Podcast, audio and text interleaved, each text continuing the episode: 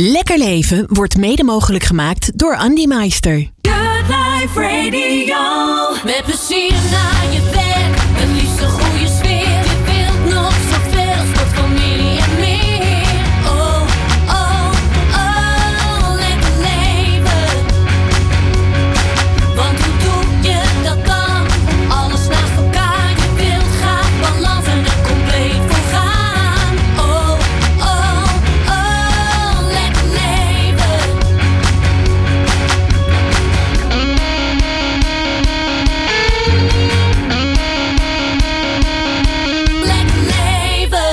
Ja, wat mooi dat je er weer bij bent. Want dit is weer een bijzondere editie van Lekker Leven met Martine. Want Lekker Leven met Martine en Good Life Radio zijn namelijk jarig. We bestaan inmiddels drie jaar. En wat zijn we blij dat jij al die tijd nog steeds naar ons luistert. En blijf vooral ook luisteren deze uitzending. Want we geven naar aanleiding van onze verjaardag vandaag ook hele mooie prijzen weg. En dat blijven we ook deze hele maand doen. Ik ben Martine Houwert. En als je vaker luistert, dan weet je dat ik iedereen een lekker leven gun. Waarin je de beste versie van jezelf kunt zijn. Zowel fysiek, mentaal als emotioneel. En zoveel mogelijk het leven leidt waar je echt gelukkig van wordt. Kortom, een lekker leven. We hebben deze keer dan ook weer twee hele inspirerende gasten. Straks spreken we niemand minder dan actrice Jasmine Sendar, die we al jaren kennen en nu onder andere zien stralen in de hitseries Knokken Off en GTST. Hoe heeft zij van haar passie haar werk gemaakt? En wat komt er allemaal bij het werk kijken? En hoe werkt zij echt aan een gezonde mindset en aan een lekker leven? Maar we beginnen met een man die alles weet over mindset en hypnose. En hij wordt dan ook wel de hypnosekoning van Nederland genoemd. Lekker leven met Martine. Zet de radio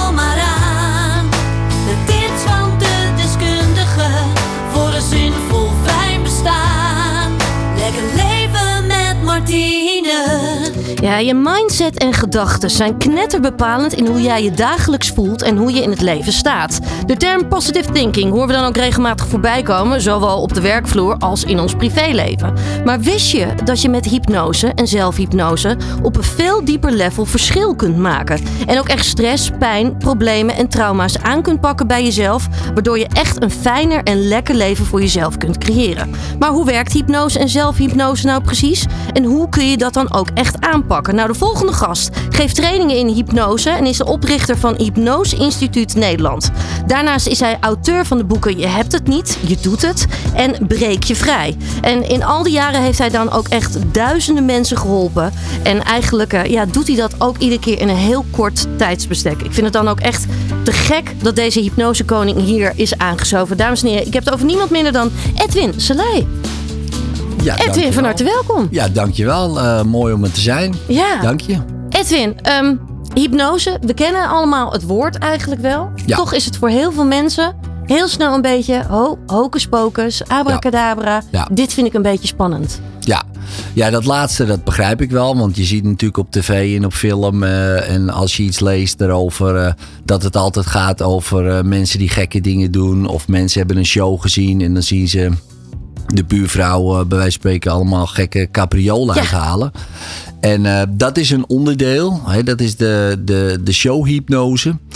Maar goed, eh, er zijn honderden artikelen bijvoorbeeld al te vinden op Nature. Hè, dus een wetenschappelijk tijdschrift over ja, dat hypnose toch echt wel heel goed werkt tegen heel veel verschillende problemen. Ja. Eh, slaapproblemen, stressproblemen. er is zoveel onderzoek al naar gedaan.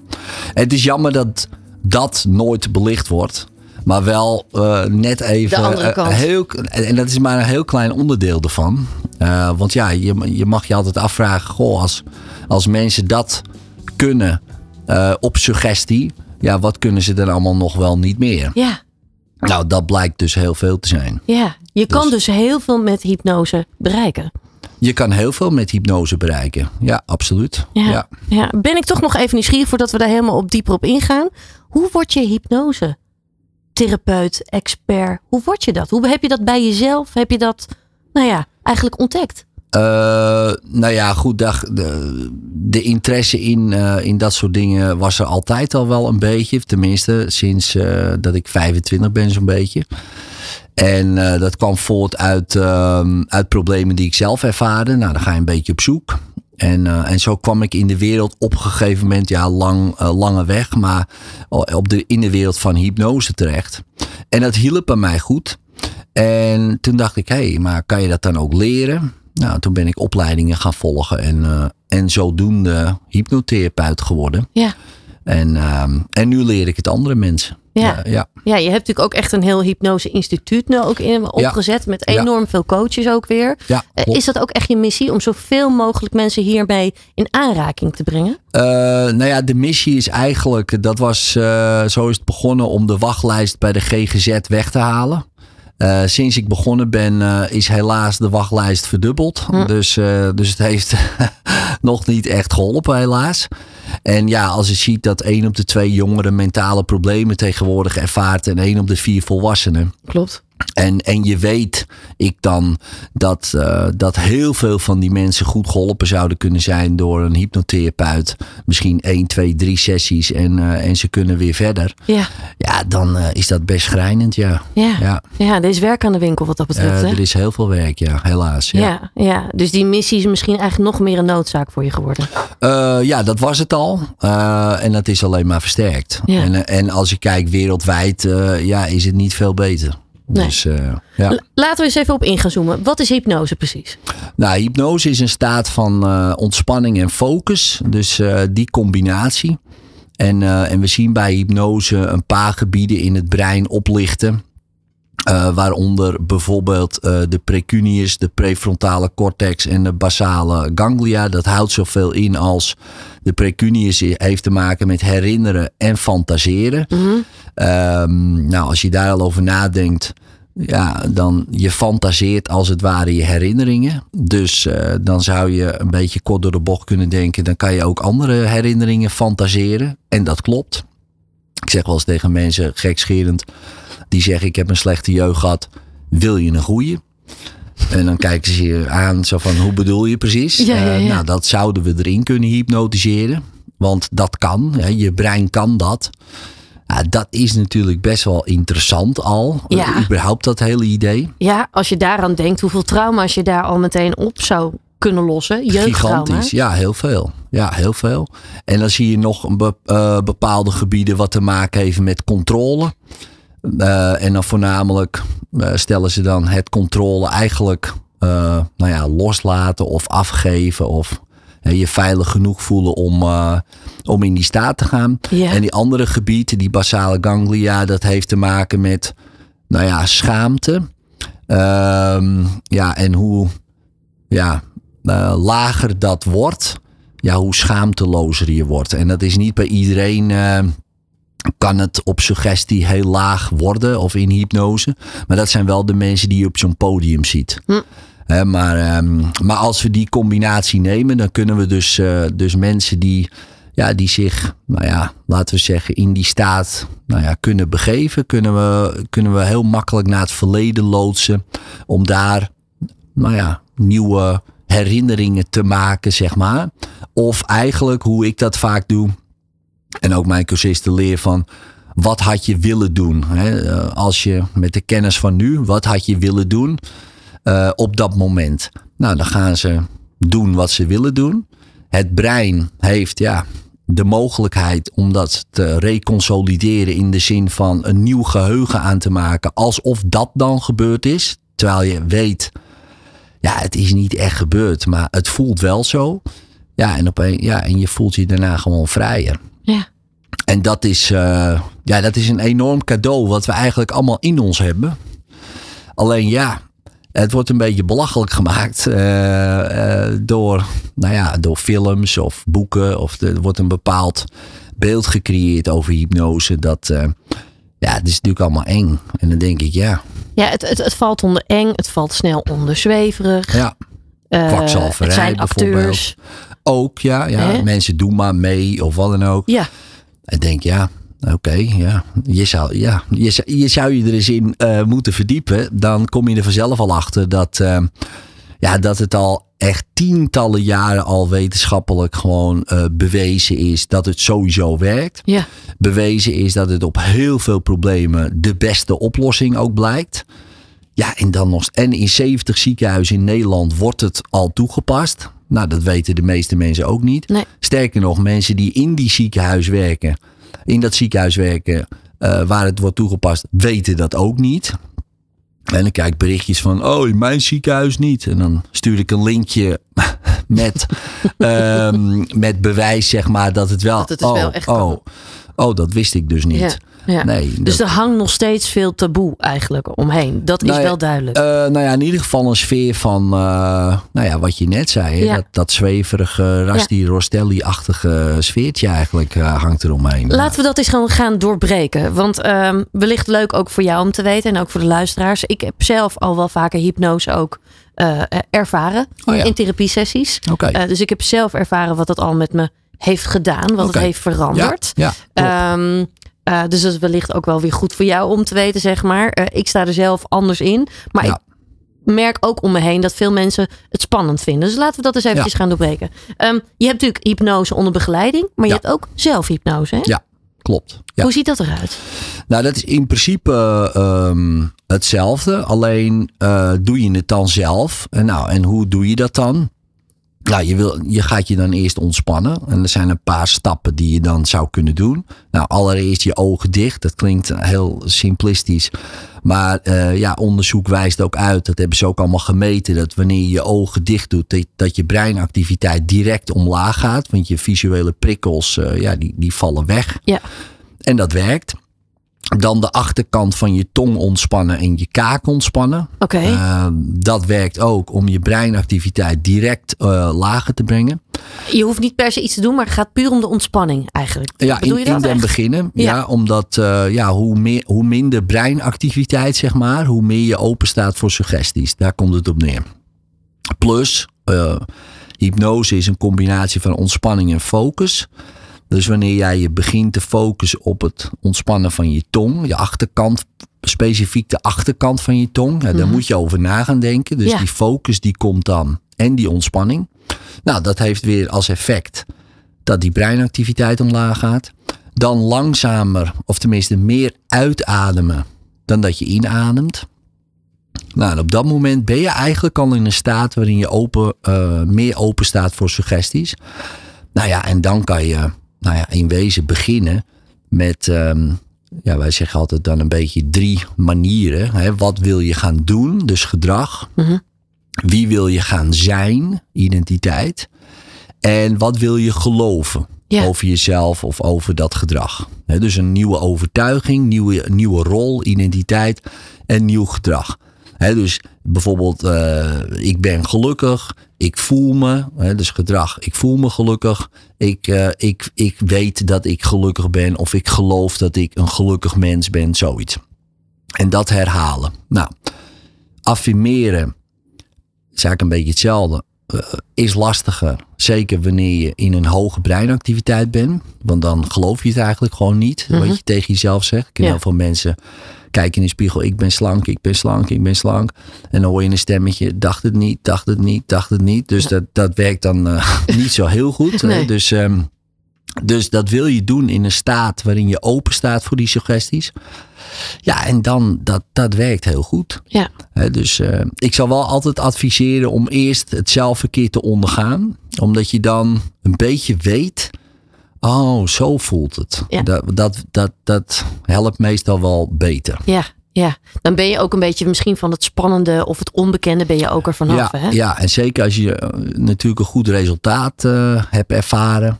Nou, dan sta je er ook sowieso meer voor open. Maar het is ook wel handig om te weten. Ja, want als je weet ja, hoe die staat voelt, kan je er ook makkelijker naartoe. Omdat je een herinnering eraan hebt. Ja. En ehm, ja, dat kan dan wel helpen. ja. Ja, dus eh, ja. Nu, nu gaf je een voorbeeld inderdaad van eh, afvallen bijvoorbeeld. Hè? Dus als Ja. je af wil vallen, eh, eetverslavingen. Maar het kan ook heel erg werken bijvoorbeeld voor mensen die depressief zijn. Of enorm veel stress ervaren.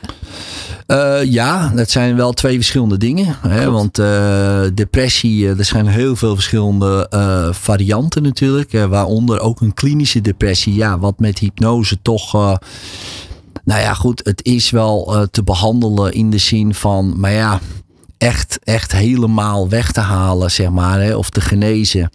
Eh, je kan het verlichten. Hè, dus, eh, want dan heeft het ook een genetisch aspect. Dus ja, en dan wordt het lastiger. Maar als je kijkt naar andere varianten, die misschien komen door trauma Of misschien wel verkeerde voeding, waardoor mensen toch somberheid ervaren. En ze hebben daar al een beetje een aanleg voor. Ja, dan kan hypnose eh, zeker helpen. Ja. Nou, en stress verlichten sowieso. Daar zijn al heel veel onderzoeken naar geweest. eh, dat, eh, dat het een van de beste manieren is om stress te verlichten. Wat natuurlijk, nou ja, stress is een aanjager van allerlei andere ziektes. Dus ja, als je die er al uithaalt, dan heb je die aanjager niet meer. Nou, en dat is sowieso eh, voor het hele lijf eh, helend. Ja. Ah, Als we eventjes een ander voorbeeld daarbij pakken. Bijvoorbeeld, ik kan mensen niet vertrouwen. Eh, dus ik, ik ben bijvoorbeeld, eh, eh, nou laten we mij een voorbeeld eventjes nemen. Eh, ik ben bijvoorbeeld aan het, aan het daten. Ik vind het iedere keer spannend om weer Ja. iemand toe te laten. Ja. Ik weet niet of ik iemand kan vertrouwen. Ja. Hoe zou ik dat in kunnen zetten, zeg maar, met hypnotherapie? Ja, nou ja, hoe ik het zou aanvliegen. Is eh, eerst, eerst even onderzoeken eh, wat bedoel je daar precies mee. Hè? Dus, eh, en is dat iedereen? Hè? Want ik kan iemand niet vertrouwen. Is dat echt iedereen? Nou, dan komen we er misschien achter dat het alleen in de context is van intieme relaties. Mhm. Want misschien kan je andere mensen prima vertrouwen. Oké, wat is dan het verschil? Nou, dan gaan we een beetje naar op zoek van waar heb je dat geleerd? Waar heb je die beslissing gemaakt? Doe je dat tijdens die hypnosessie of is dat daarvoor? Ja, ja ook ervoor. Oké. Ja, dus, eh, en misschien komen we erachter, misschien niet. Ehm, meestal kom ik er wel achter eh, in een volksgesprek. Ja. Maar, ehm, en dan in hypnose, ja, die beslissing ongedaan maken, zeg maar. Hè? Want toen was dat misschien handig. Die overtuiging is het eigenlijk misschien ook wel, hè? Die is, eh, gedachte. ja, het is een overtuiging. Een regel die je zelf hebt bedacht. Eh, uit ervaring waarschijnlijk. Hè? Dus er is een ervaring geweest. En misschien één of twee of drie zelfs. En dat je zegt, ja zie je wel. Ik, ik kan gewoon... eh, het is beter dat ik gewoon niemand vertrouw. Want dan kom ik ook weer niet in deze situatie terecht. Mhm. Nou, en dan eigenlijk als je dat in perspectief gaat zien. eh, in hypnose, dan kom je er misschien wel achter van ja, maar wacht eens even, het zijn maar twee, drie momenten geweest op, op, op honderdduizend andere momenten. Ehm, waarin ik prima mensen kon vertrouwen. Dus is dat nog nodig? Ja. Eh, en heb ik geen andere manieren eh, die mij gewoon, nou ja, ervoor zorgen dat ik even goed veil, me veilig voel of me vrij voel of weet ik veel wat de positieve intentie is. Want wat je vaak ziet bij zo'n regel is dat het iets oplevert. Dus je doet het maar niet, want nou ja, dan blijf je of veilig of weet je wel, je wordt niet gekwetst. Oké, maar wat levert dat dan op? Nou ja, dan blijf ik me in ieder geval eh, nou ja, goed voelen of wat dan ook. Ja, en dan is altijd de vraag, ja, maar heb je niet gewoon meer manieren zodat je wel iemand kan vertrouwen en ook al, ja, gaat het niet dat je je nog steeds goed over jezelf voelt of veilig, zoiets. Nou, Ja. en dan gaan we dan naar op zoek. Nou, dat is natuurlijk wel even een eh, zoektocht. Maar dan kan je dus die regel loslaten. Ja, dus, dus dat is één ding. Ja, en je kan ook kijken van, zeker als je in regressie gaat bijvoorbeeld. Hè, dus dan ga je terug het verleden in om te kijken van wat is er gebeurd. Eh, en misschien is het wel, heeft het wel met de familie te maken. Ja, dat je denkt, eh, het kan hè, dat, dat gewoon de eerste man in je leven of de eerste vrouw in je leven eh, dat voorbeeld heb gegeven. Hè. Dus zo van, eh, zie je wel, ja, mijn vader was al niet te vertrouwen. Ja, eh, ge- geen enkele man is te vertrouwen. Mijn opa was zo, zie je wel. Het, de- alle, alle 4 miljard mannen, het is allemaal hetzelfde. Nou, Ja. dat is natuurlijk gelul in de ruimte. Maar ja, als je dat gelooft, dan, dan is dat gewoon zo. En het interessante is ook, je zoekt bewijs naar die regel. Dus de enige man op wie jij valt, is die die regel bevestigt. En dat is ook best wel vervelend. Want als er een man komt die wel te vertrouwen is, ja, die vind je dan helemaal niks. Ja, dit is een beetje te soft of te zacht. Of, ah, nee, van mij niet wel. Oh, oh, dan houdt hij die deur weer open. Verschrikkelijk, dat soort mannen. Heel zo. Ja. Terwijl dat dan precies eigenlijk de man De is. juiste man zou voor de je zijn. juiste, maar niet op dat moment als die regel intact is. Ja. Nou, en dan zie je best wel veel mensen mee, eh, ja, mee struggelen, Ja. eh, helaas. Terwijl het is een, eh, soms zelfs een regel uit je kindertijd. Hè? Dus dan heb je nog steeds een soort kleuterschoolregel die je volwassen leven bepaalt. Ja, dat is een beetje jammer. Ja, het doet me ook eh, enigszins denken ook wel aan de familieopstellingen. Want dat doe je Ja. eigenlijk ook Ja. aan, eh, David de Kok noemde het ook wel positieve geschiedsvervalsing. Dus, dus dat je eigenlijk Ja, de mooi, eh, een positieve draai geeft, Ja. zeg maar. Eh, waardoor je hem heel anders ervaart. Ja, klopt. Ja, Ja, ja want in principe, eh, je, brein, zo, kijk, je, je verzint je eigen toekomst hè, continu. Hè, wat ga ik morgen doen? Ja, dat bedenk je gewoon. Maar zo doe je het ook met gisteren. ja, Hè, wat heb ik gisteren gedaan? Dat bedenk je ook. Alleen dat zien wij heel anders. En dat noemen we dan herinneren. En dat noemen we vaak ook feiten die gebeurd zijn. En, maar voor je brein is het allemaal nu. Dus, dus, en die creëert een verleden en een toekomst gewoon op dit moment. ja. Nou ja, als hij dat toch al aan het doen is, waarom dan niet eentje waarvan je denkt, oh, nou eigenlijk wel, Ja. eigenlijk wel, eigenlijk wel lekker eigenlijk. eh, Die je helpt. ja, die ja, je helpt. die ja. fijn is. Precies, ja. Ja. En dat kan je dus eh, creëren, ja. Ja. Ja. Je hebt inmiddels al duizenden mensen geholpen. Eh, nu hebben we eventjes een, een voorbeeld uitgelicht. eh, maar het kan Ja. om ook eh, verslavingen kunnen het ook zijn, hè, Ja. bijvoorbeeld. Ja. Waar kan ik nog meer aan denken? Angsten, nou ja, verslavingen, stress heb je al genoemd. Ja. Ehm, wat we ook veel zien is, eh, is bijvoorbeeld ook afvallen. Ja, dus, want niet altijd, hè, maar soms heeft het gewoon te maken met emotioneel trauma. Hè, dat mensen zich gaan opvullen van, eh, ze voelden de pijn en eh, emotie en dat gaan ze dan wegeten. Ja. Ja, en als die emotie er niet meer is, eten ze ook niet meer weg en vallen ze af. Ja, dat zien, dat zien we ook best wel vaak. Ja, dus dat zijn toch wel de grootste eh, chunks waar je aan kan denken. En slaapproblemen ook bijvoorbeeld. Mensen die slecht slapen, zouden ook eh, wel baat eh, bij hypno hypnotherapie kunnen hebben. Ja. Ja. ja, ik vind het fantastisch hoe je hier mensen bij helpt. Ik hoop je nog een andere keer te ontvangen. Want dan gaan we hier gewoon ook nog wat, wat dieper op deze stof Leuk, in. Want er is enorm veel over te vertellen. En nou ja, waar we eigenlijk al over begonnen. Het mag echt bekender zijn. Eh, Ja, en dat, zeker, ja. En dat het toegankelijker wordt voor mensen. Ja, en ook dat het, ja, misschien ook normaler. Hè? Dus Ja. kijk, ik vind het niet erg dat er. Dat de entertainment eraan vastzit. Want ik, ja, ik vind zelf wel lachen en ik heb dat zelf ook wel gedaan. Dus, dus ik vind dat niet erg. Maar ja, het is nu maar één kant. Hè. Je hebt ook een hele andere kant. eh, ja, die heel helpend is. Ja, Ja, ja. Er kan dus heel veel wat dat betreft Ja. met hypnose. zeker. Eh, Edwin, ik wil je enorm bedanken voor het delen van je kennis. Alsjeblieft. En eh, heel graag tot de volgende keer. Leuk. Dankjewel. Dank je.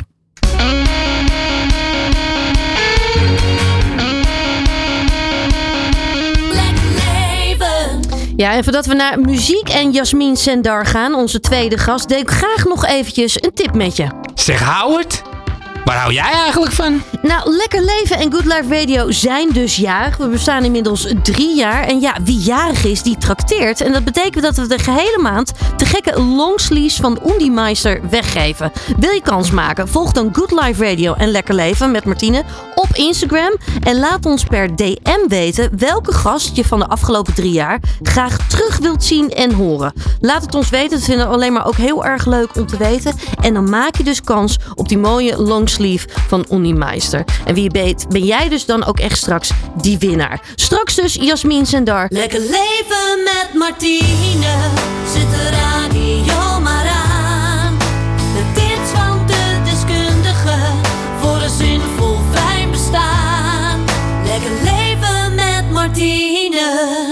We kennen haar allemaal jarenlang van tv, series en films. En ze begon ooit als model. En in 1999 had ze al haar grote doorbraak als actrice in de rol van Bibi in de soap Goudkust. Maar vervolgens zagen we haar natuurlijk overal shinen. Onder andere bij Onderweg naar Morgen, Spangen, Bombini Beach en Costa. Eh, maar deze vrouw zit niet graag stil. En ze blijft zich dan ook graag doorontwikkelen. Zo zien we haar de afgelopen jaren ook regelmatig voorbij komen als presentatrice. En ze shined nu onder andere in de hitserie Knock Off. En natuurlijk zien we haar in GTST. En ze heeft dan ook nog eens tijd kunnen vrijmaken in haar drukke agenda. Ik heb het over niemand minder dan Jasmine Zendar. Hi, Martine, wat gezellig. Lieverd, wat fijn dat je hier bent. Ja, nou heerlijk om hier te zijn eindelijk, toch? Ik, ik, ik heb er helemaal zin in. Eh, Same. Eh, dit programma heet Lekker Leven. Ja, wat nou- een goede titel. Ja, hè? Ja. ja. ik hou ook van een lekker leven. Ik denk iedereen eigenlijk wel. Jij ook. Eh, we gaan natuurlijk zo meteen hebben over jouw carrière. Mhm. Eh, maar wat is voor jou echt een lekker leven? Een lekker leven is ontspannen en een onbezorgd leven leiden. Oké. Mhm. Ja. Onbezorgd leven leiden. Ja, ja. Ik, ehm, ik heb een periode gehad waardoor dat wat lastiger werd. Ehm, ja, door natuurlijk eh, ja, financiële eh, toestanden en geen werk hebben. En ik merk toch dat je daardoor zoveel stress krijgt. Ja. Als je dat elimineert, ja, dan maakt het het allemaal een stuk relaxter en fijner. En zoveel dingen zijn eigenlijk ook niet zo belangrijk. Je hebt eigenlijk maar weinig dingen nodig in het leven. Ja.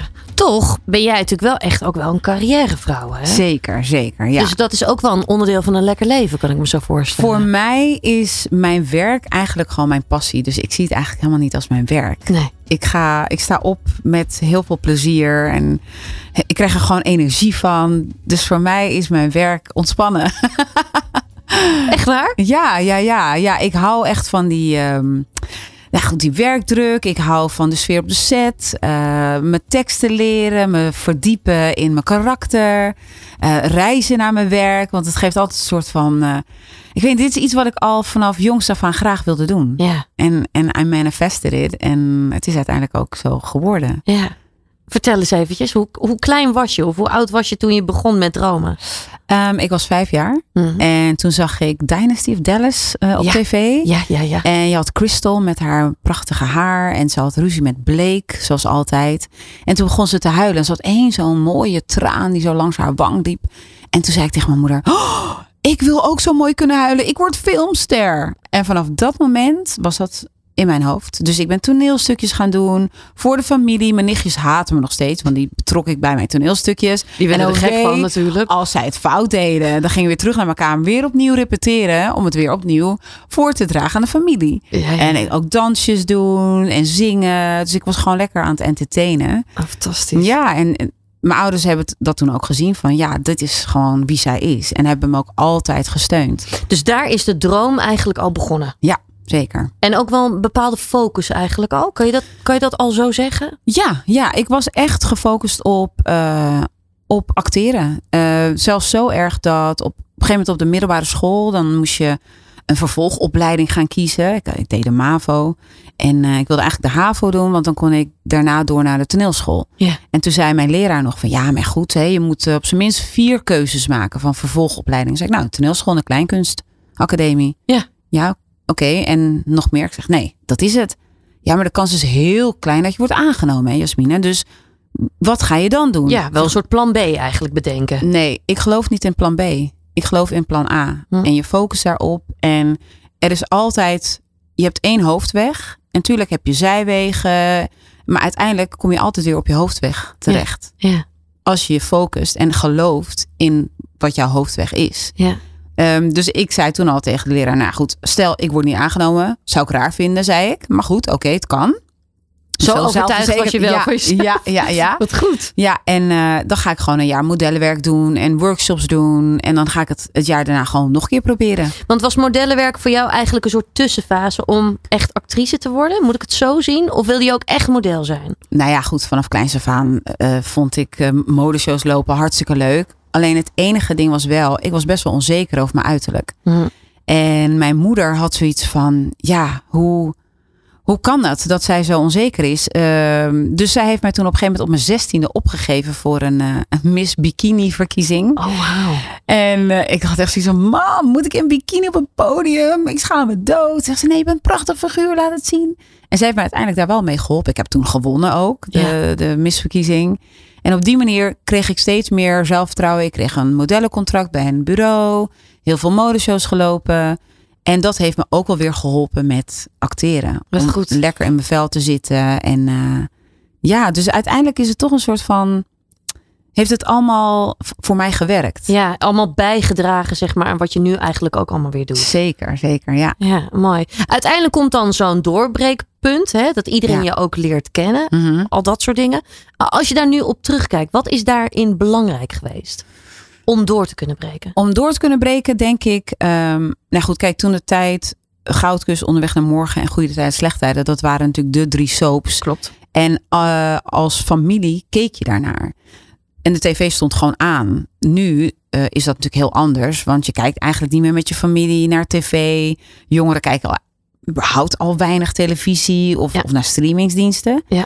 Maar toen de tijd, dat is gewoon wat je deed eh, Ja. als gezin. Dus je was onderdeel van heel veel gezinnen in Nederland. Ja. En daardoor werden wij een soort van, ja, dat was een soort van gekte. Je, eh, als je op straat liep, ik weet nog toen ik on- in onderweg naar morgen zat en dat kwam om half acht op tv. En dan liep ik om kwart over zeven op straat. En dan zei een vrouw, oh je moet opschieten hè? Je bent zo. dat ik echt dacht, lieverd, denkt zij nu echt dat, dit, dit live is? Ja. dat ik, oh ja oké mevrouw. oké, really? Ehm, Wauw. dus dat is best wel, eh, best wel bizar eigenlijk. Maar ik denk, ja, hetgene wat, het, wat voor mij heel belangrijk is geweest, is mijn opvoeding. Mhm. Dat, ehm, ja, hoe mensen je ook herkennen en hoe belangrijk het allemaal lijkt. Uiteindelijk, ja, is je kern heel belangrijk. En voor mij was mijn opvoeding heel belangrijk. Mijn ouders hebben er altijd voor gezorgd dat ik met mijn beide benen op de grond bleef staan. Dat ik niet eh, te hoog in mijn bol ging krijgen. En, ehm, en ik denk dat, het, dat dat heel belangrijk is geweest. En ook dat ze mij altijd hebben gesupport in mijn dromen. Ja. Dat zij nooit hebben gezegd: Ja, schat, maar ga dan voor een advocaat of een verpleegkundige of wat dan ook. Nee, zij zagen mijn droom en hebben me daar ook echt in gesteund. ja, fantastisch. Ja, dus dat heeft mij heel erg geholpen tot de dag van vandaag. Want zelfs toen ik het iets minder had en geen werk had, heb ik echt nog een keer op de bank gezeten bij mijn moeder huilend van mam, ik weet het niet meer. En zei ze, wat wil je graag? Zei, ja, ik wil acteren. Ga daarvoor. Ja. Wij supporten je en alles wat je doet, wij helpen je, maar ga er dan voor. Mooi. Ja, Mooi. Dit raakt mij ook wel, want ik, ik heb precies hetzelfde gehad met mijn moeder dan. Ja? Eh, ik heb genoeg tegenslagen gehad als Mm. professioneel danseres. ja. Maar ook als presentatrice, dat ik ook echt meerdere keren heb gedacht. Het gaat hem gewoon niet worden. Mm, Dit, weet je, ik, Ja. ik, ik voel dat ik ga opgeven nu. ja, En is het zo belangrijk dat daar iemand is die zegt: ga ervoor. absoluut. Zet door. Ja, Of het nou je ouders zijn, of een hele goede vriend of een vriendin. Ja. Of, of een docent, of whatever. Maar dat hebben we nodig. We kunnen het niet alleen. Hè? Nee, nee je, je bent mens. Je kan niet als mens alleen leven. Eh, Je hebt mensen nodig, Ja. maar je hebt wel de juiste mensen nodig. Dat is best wel cruciaal. Dat is best wel eh, belangrijk, ja. Ja, ja. En natuurlijk, hoe ouder je wordt, hoe meer mensen er wegvallen. En hoe meer je gaat focussen op wat echt belangrijk is voor jou als, eh, als persoon. Dat moet je ook leren. Ja, zeker, zeker. Maar het, ja, het is wel echt heel belangrijk dat je geen ja-knikkers in je omgeving hebt. Maar ook gewoon mensen die zeggen, hey Jas, of hey Martien, even, oké, even zitten nu. A, B, C, D, wat, wat is er allemaal? Ja. We gaan dit doen, zo, zo, oké, let's go. Ja. En niet alleen maar eh, ja, ja zeggen omdat jij ja zegt. Nee, oké, wat is het tegengeluid? Dat heb je ook nodig. ja, juist ook mensen die gewoon ook kritiek Mhm. durven te leveren of je feedback durven te geven. Zeker, zeker. Dan breek je door, hè? dan ben je Ja. jong. Ja, Het ja. gaat allemaal heel voorspoedig. Ja. Hè? Dat je denkt, nou, dit, dit kan niet meer stuk. Ja, En dan? ja dat, dat is eh, de grap. Omdat je... Ja, ik heb de mazzel gehad dat ik van Goudkust naar onderweg naar morgen eh, kon. Dus Ja. Goudkust stopte best wel abrupt. En toen heb ik nog een half jaar modellenwerk gedaan en workshops. En toen werd ik gebeld of ik een rol wilde in onderweg naar morgen. Wat ook bizar was, want ik hoefde geen auditie te doen. Dus het was echt zo van, huh, oké, ja hoor, is goed voor een gastrol. Nee, vaste rol. Ja, hup, je kunt in één keer weer door. Meteen weer door. Negen jaar lang in die serie gezeten. En van alles natuurlijk meegemaakt. Maar ja, te gekke tijd. En toen dacht ik op een gegeven moment, ja, maar ik kreeg natuurlijk van castingbureaus ook te horen. Als jij alleen maar soap doet, dan blijft dat imago aan jou vastplakken. Dat is het, hè? Want dan kom je alleen maar in dat hokje terecht. Precies, precies. En wil je films en series gaan doen? Ja, dan moet je ook andere eh, workshops gaan volgen of hè, whatever. Toen dacht ik, shit, shit, shit. Oké. ehm, dus toen had ik gezegd, oké, ik ga dan stoppen. Maar mijn timing was een beetje af. Hmm. Want op dat moment lag ik ook in scheiding. Moet je huis verkopen. Dan vervolgens, ja, eh, verhuizen. En, eh, Was eigenlijk crisis in, in privé situaties. Zeker, zeker. Dus kijk, ik zou zeggen, achteraf gezien had ik nog een jaartje langer moeten blijven. Maar ik geloof heel erg in dat je bepaalde dingen moet meemaken om te kunnen groeien. En in mijn geval ehm, heb ik gewoon echt moeten struggelen. Maar daardoor bleef ik wel heel erg vasthouden aan mijn droom. Hmm. En niet om te zeggen van, oh, ik ga geen ander werk doen. Want dat heb ik absoluut gedaan. Ik heb bij de bowling gewerkt, s'avonds. Ik heb in de thuiszorg gewerkt, 2,5 jaar. Ehm, ik heb van alles gedaan. Maar de grap is, de thuiszorg, 2,5 jaar. Dat je echt denkt, oké, eh, je komt bij mensen thuis. Mensen zien jou als zuster Kira die langskomt. En in één keer komt ze over de vloer. ja, ja, ja, precies. Hè? En, eh, en toen ging ik daarover uitweiden in een interview.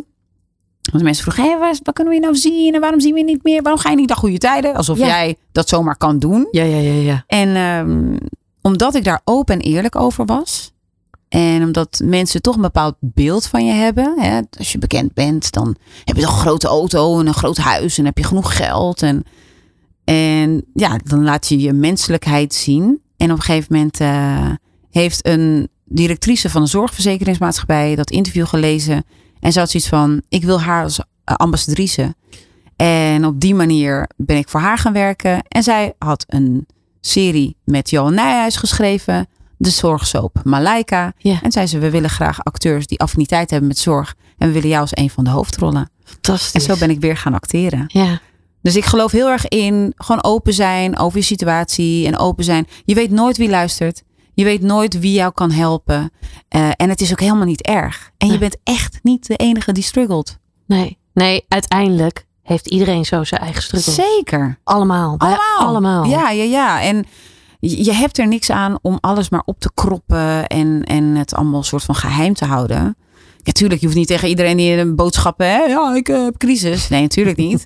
maar vooralsnog, ja, open zijn helpt zoveel. Ja. Ja. Ja. Ja. dat is ook wel echt mijn ervaring. Maar Mhm, daarvoor heb je wel lef nodig. Dat, Ja. dat vergt een bepaalde kracht ook wel in jezelf. mhm. Om zo open en eerlijk durven te zijn. Laten we wel wezen. Ja, nou goed, mijn, ehm, mijn kracht kwam ook vanuit mijn zoon. Hè? Eh, inmiddels is mijn zoon 17. Maar ja, ik was niet alleen. Hm. Ik denk dat als ik alleen was geweest, dat ik al sneller weer naar mijn ouders zou zijn gegaan. En daar op de zolderkamer had gezeten en eh, kniezen en kijken van oké, hoe ga ik het nu doen? Ja. Maar ja, volwassen vrouw met kind, gescheiden, dan ga je niet, je gaat niet naar je ouders. Oké. eh, ehm, dus ik, voor hem moest ik ook vechten. ja. En ja, en hij gaf me ook gewoon die extra drive. Wat deed jij qua mindset? Eh, qua mindset, ja, was het soms best wel heftig. Ik geloof heel erg in als je negatief denkt, dan blijf je in die negatieve spiraal en dan trek je eigenlijk alleen nog meer naar beneden. Ja. En daar moest ik echt eh, tegen vechten. Ik, ik beschrijf het altijd als dat ik in die periode op de bodem van een sloot lag, naar boven keek, naar, de, ja, het water. En ik zie mensen zwemmen, ik zie bootjes voorbij komen. En iedere keer als ik een klusje kreeg, kon ik slagen maken naar boven. Totdat ik op een gegeven moment weer kon ademen hè, boven water. En dan zag ik de kust. Ja. En dacht ik, oké, hoe ga ik daar komen? Want ik wil uiteindelijk op de kust staan en kijken naar het water. En kunnen genieten met een pina colada in mijn hand. En denken, oh, als ik wil kan ik het water in. Kan ik naar beneden, kan ik weer naar boven en weer terug. Ja. Ja. Dus op die manier eh, beschrijf ik het eigenlijk altijd. Mooi, mooi. Brengt ons eigenlijk ook wel meteen bij een, eh, een goede vraag wat dat betreft. Ja? Eh, want wij hebben altijd het ultieme lekker leven gevoel. Heb jij een glas bij de hand? Oh. Ja, want we gaan lekker proosten. Jasmin. Oh, cheers. Ja, dit is namelijk altijd het, het proostmomentje. Ja. Denk eventjes na Hmm. wat voor jou het ultieme lekker leven moment is. Oh, jeetje. Denk even na. Ja. Het ultieme lekker leven gevoel. Proost op een lekker leven. Nou, Ja, wat is jouw moment? mijn moment is eigenlijk dat ik gewoon weer thuis ben op Curaçao. Met mijn familie om me heen. En dat ik op de veranda kan zitten en genieten van de zon op mijn huid, mijn familie. En lekker eten en eh, gezond ben. En mijn familie ook gezond is. Mooi, mooi. De proost op. Cheers. Heerlijk. Oh, ik, ik, heel eerlijk, dat kan ik al letterlijk zo voelen. Maar ook omdat, je, ook omdat je het samen met familie doet. Mhm. Ja, familie is voor mij alles. Ehm, ik eh, ben heel erg gezegend met een ontzettende leuke familie. Ik ben de oudste van eh, vier kinderen. Ja. Enige meisje, dus eigenlijk ook een soort van tweede moeder. En, ehm, en inmiddels hebben mijn broers ook allemaal kinderen gekregen. Dus de familie is steeds groter en groter geworden. Ik heb twee fantastische ouders eh, die me altijd supporten. Dus, ehm, en ooms en tantes op Curaçao. En het is altijd, als ik daar kom, dan is het gewoon, is altijd eten. Gezelligheid, muziek. eh, deuren staan open.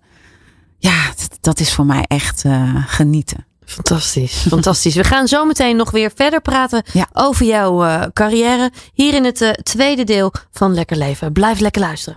Je bent het zat, er is veel meer.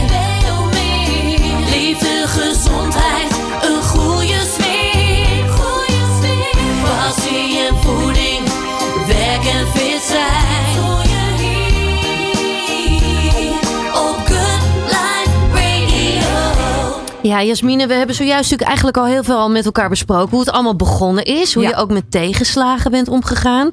Eh, maar als we eventjes nu kijken. ja, jij gaat wel echt speer, hè? Ja, het gaat lekker. Ja. Ja. ja, ik ben echt aan het genieten. Ja. Oh, Als we eventjes de dingen aanstippen. Hè? Ja. Want we zien je natuurlijk echt al eh, natuurlijk in de serie voorbij eh, komen. Bij GTSD onder andere nu. Mhm. Ehm, mooie rol ook wel. Heb je Dank je. Ja, echt zo leuk om, om daar te zijn. En het voelt als een, een, ja, een- een huis van de mensen. Ja, ik ken de mensen, veel van die mensen. Ja. Dus het voelt thuiskomen in een nieuw huis. Oh, wat ja. goed. Ja, In een warm nieuw huis, zeg ja, maar. ja, absoluut. Ja. Ja. Is, het, is het dan nog extra spannend voor jou om in zo'n serie te stappen? Of valt dat dan wel weer mee? Mm, kijk, het is altijd spannend om een, een nieuwe rol neer te zetten.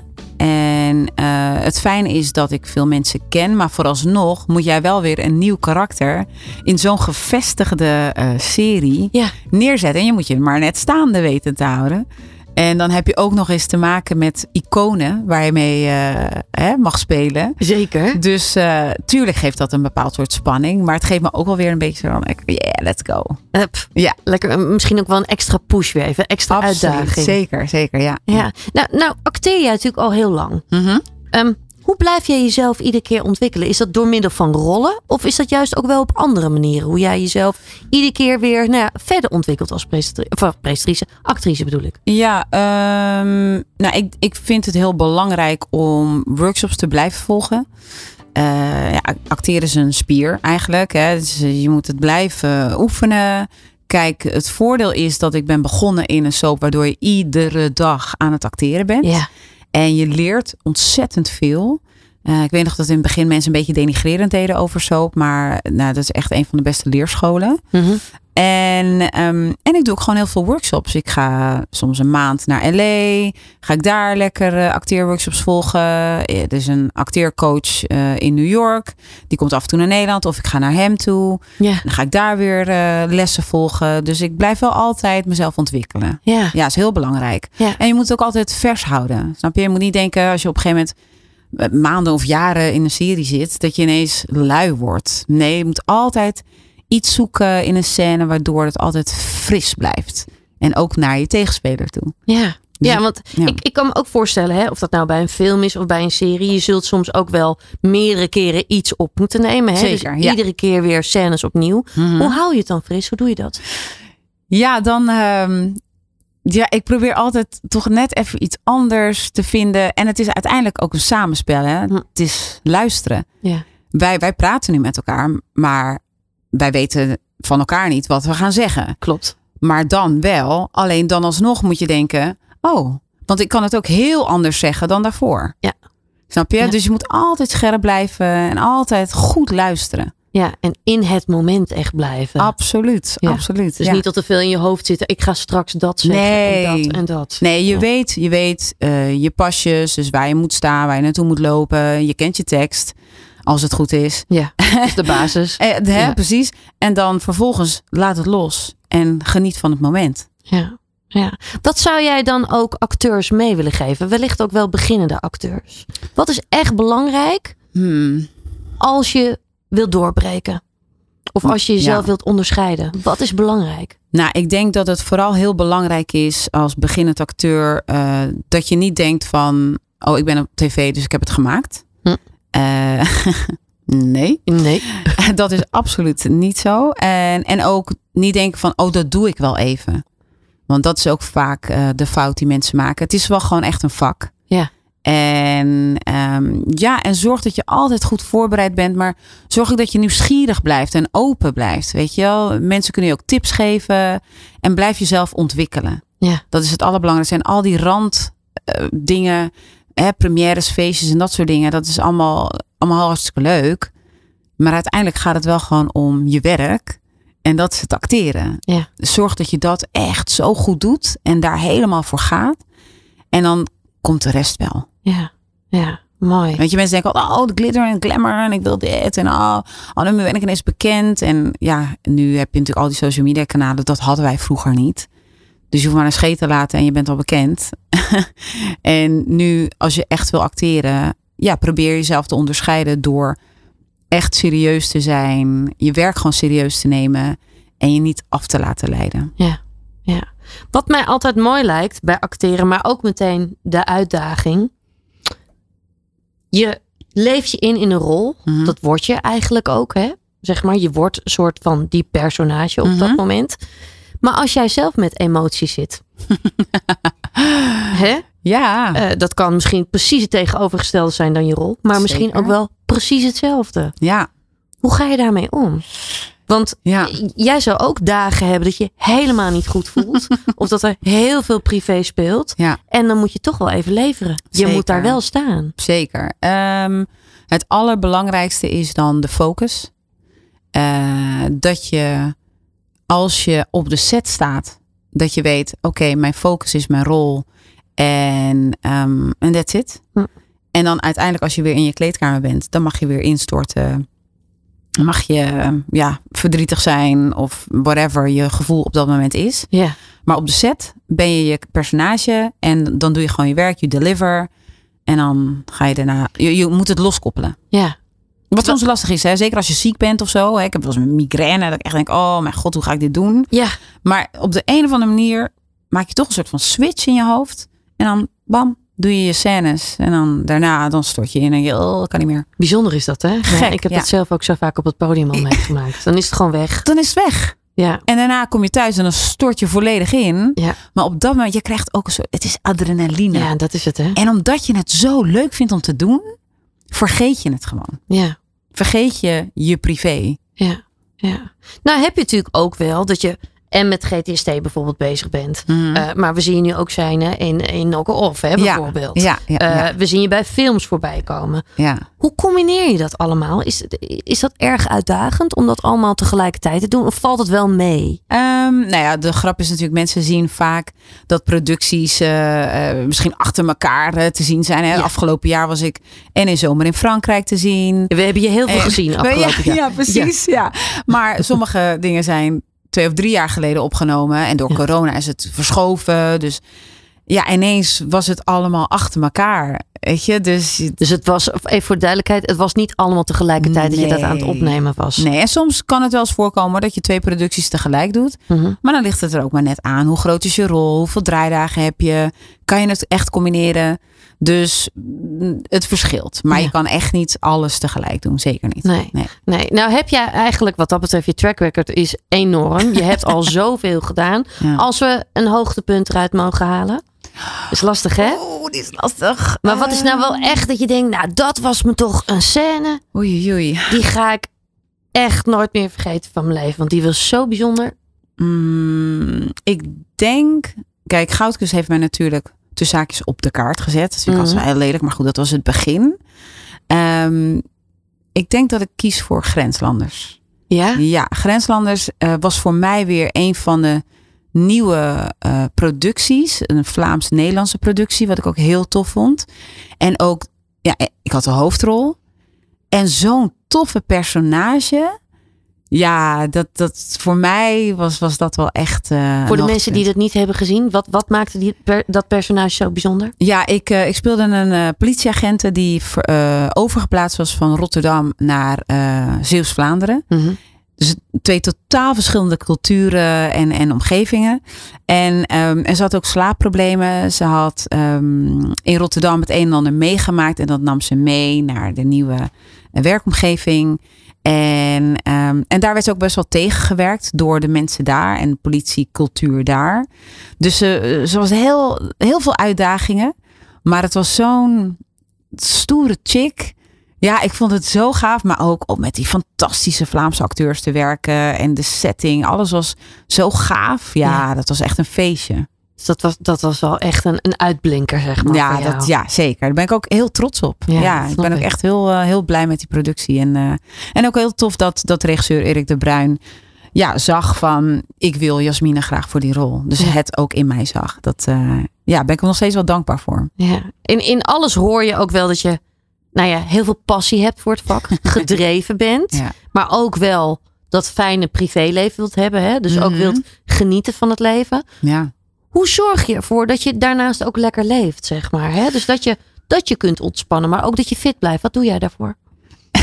Nou, fit blijven is een beetje lastig, want ik ben echt lui. ik vind sporten echt een crime. Ik Ja, niet, echt? ja, ik moet mezelf er Dat echt zou je niet zetten. zeggen als je naar I jou know, ik heb gewoon echt mazzel met mijn genen. Ik kan Oh, er niks aan doen. Het is echt, ik kan vreten wat ik wil. Oh, maar Alleen ja, ruilen? Nou, mm, sorry. Tegenwoordig gaat het wel iets sneller naar de, de bips en de heupen. Uh-huh. Maar vooralsnog mag ik echt niet klagen. Maar ik moet wel zeggen, ik ben inmiddels 45. Dus ik moet wel echt gaan beginnen. Lelijk hè, dat ik zeg op mijn 45 gaan beginnen. Ik was vroeger echt heel sportief als kind. Eh, maar op een gegeven moment is dat soort van erin geslopen. En, dat, dat, eh, en ik vind in de, in de fitness, in de sportschool staan zo... ah, Dat is niet je ding. nou, nee, dan zie ik naar weer mensen te kijken die staan te puffen en te doen. En eh, ja, ik wil dat dan liever gewoon privé doen of zo. Ja. Of gewoon lekker een rondje rennen of wandelen. Of, oh, klinkt echt als een oude doos. oh, mijn hemel. Oké. Nee, ik ga echt wel weer sporten. Alleen voor mij is het heel belangrijk dat mijn geest gezond is. Ja, Daardoor is mijn lichaam ook gezond. mooi. Eh, want als jij alleen maar negatief denkt, dan. Ik, dat, ik, ik noem dat als een soort van vergif. En ik heb dat meegemaakt, helaas. Maar dat heeft me ook weer wakker geschud. Hm. Ik denk, oké Jas, even, nee, nee, nee, positiviteit. En de, de positieve dingen zien in het leven. Ja. Waardoor je weer hè, die kracht krijgt en weer, eh, weer door kan. En ja, en ik probeer wel echt wel te minderen met snoepen en eh, vet eten. En, maar ja, ik hou ook gewoon van leven. En voor mij is dat ook gewoon lekker leven. En jij houdt ook van een kippetje, toch? Net ik als een- hou echt van mijn kip Dat en mijn biefstuk. En, Ja. mijn- ja, en mijn wijntje af en toe. Ja, ik ben een Antilliaan hè. We houden van vlees, we houden van vettig eten. Ja. ja, taart. Ja, zoetigheid, daar houden wij gewoon van. Ja. Ja. Ja, dat kan ik echt niet elimineren. nee, en dat hoeft ook helemaal niet, toch? Nee, nee, nee, zeker niet. Nee, zolang het maar gewoon een beetje in balans is en je niet te veel last van hebt, dan is het oké. Ja, ik eet ook heus wel een salade. Ja, absoluut. Ja. Nou, wat ik leuk vind ook om op je social media te zien, is dat je ook echt wel die positieve vibe ook wel heel erg uitstraalt naar Ja. andere mensen. Dus je, je vindt het volgens mij ook wel echt mooi om mensen daarin mee te nemen. Ja. In die positieve vibe. Ja, zeker. Ik, ik weet wat het mij brengt en heeft gebracht. En ehm, ja, ik hoop dan altijd dat mensen het, het oppikken. Of als ik er dan maar eentje mee bereik, dan ben ik al blij. Ja. En, eh, en- ja, en ik hou gewoon echt van positivity, weet je wel. Dan, dan trek je dat ook aan. En het leven is toch ook veel mooier als je gewoon blije mensen om je heen hebt. En mensen die lachen en grapjes maken. Veel leuker. In plaats van alleen maar klagen, klagen, klagen. En dansen. Ja, en dansen. Lachen Yo. en dansen, toch? Heerlijk, of niet? Ja. Martien, Ja, hebben wij gedanst? eh, zeker weten. Oké. Ja, iedere gelachen. keer eigenlijk wel. Altijd En als we elkaar zien, gaan we altijd dansen en lachen. Ja, ja. ja, dat is toch het beste eigenlijk. Ja. Ja, klopt. Tot slot, eh, ik kan nog heel lang met jou doorkletsen. dat voel ik aan alles. Eh, maar ja, we moeten toch een eind aan breiden. Ehm, dromen. Waar droom je nog van? Want je hebt Oh. altijd enorm gedroomd. ja. En er zijn heel veel dromen uitgekomen. Mhm. Ja. Wat voor droom heb je nog? Oei, nou, het grap is, ik heb eh, goede tijden ook gemanifest. Mhm. En gezegd, oké, dat zou ik zo lachen vinden als ik dan en Goudkus en Onderweg naar Morgen en Goede Tijd. Dan heb ik de drie soaps van Nederland gedaan. Ik weet niet En- hoeveel acteurs dat kunnen zeggen. Maar Niet veel, maar het is je echt gelukt. Het is me gelukt. Ja. En ehm, mijn ultieme droom is een grote Hollywood productie. Om daarin te mogen spelen. En ja, ik, dan zie ik films als een Avatar, Black Panther. eh, Weet je wel. Dat ik echt denk, oh mijn god. Oh, ik zou dat zo tof vinden als ik in zo'n soort productie mag spelen. Ja, dus ehm, ik ga daarvoor. Nou, bij deze. Het gaat gewoon gebeuren. Het gaat gewoon gebeuren. Ja. ja het, is al, het is al bepaald. De, de tijdstip, ik moet ready zijn. En I'm working towards that. En daar ben je dus ook mee bezig. Absolutely. Kijk. nou, als het eenmaal gaat gebeuren, dan schuif je hier gewoon weer aan hoor. Tuurlijk, ik Ja. weet je te vinden. Heerlijk. nou, lieve Jasmine, ik, ik wil je enorm bedanken voor het delen van je verhaal. Dankjewel. Ik denk dat het ook weer heel inspirerend is voor iedereen. Ehm, en heel veel succes met alles. En dit gaat gewoon gebeuren deze Ja, ja, ja, ja. Ik, eh, als eerste kom ik bij jou. Dankjewel. Basie B hier, ik kom je niet vervelen.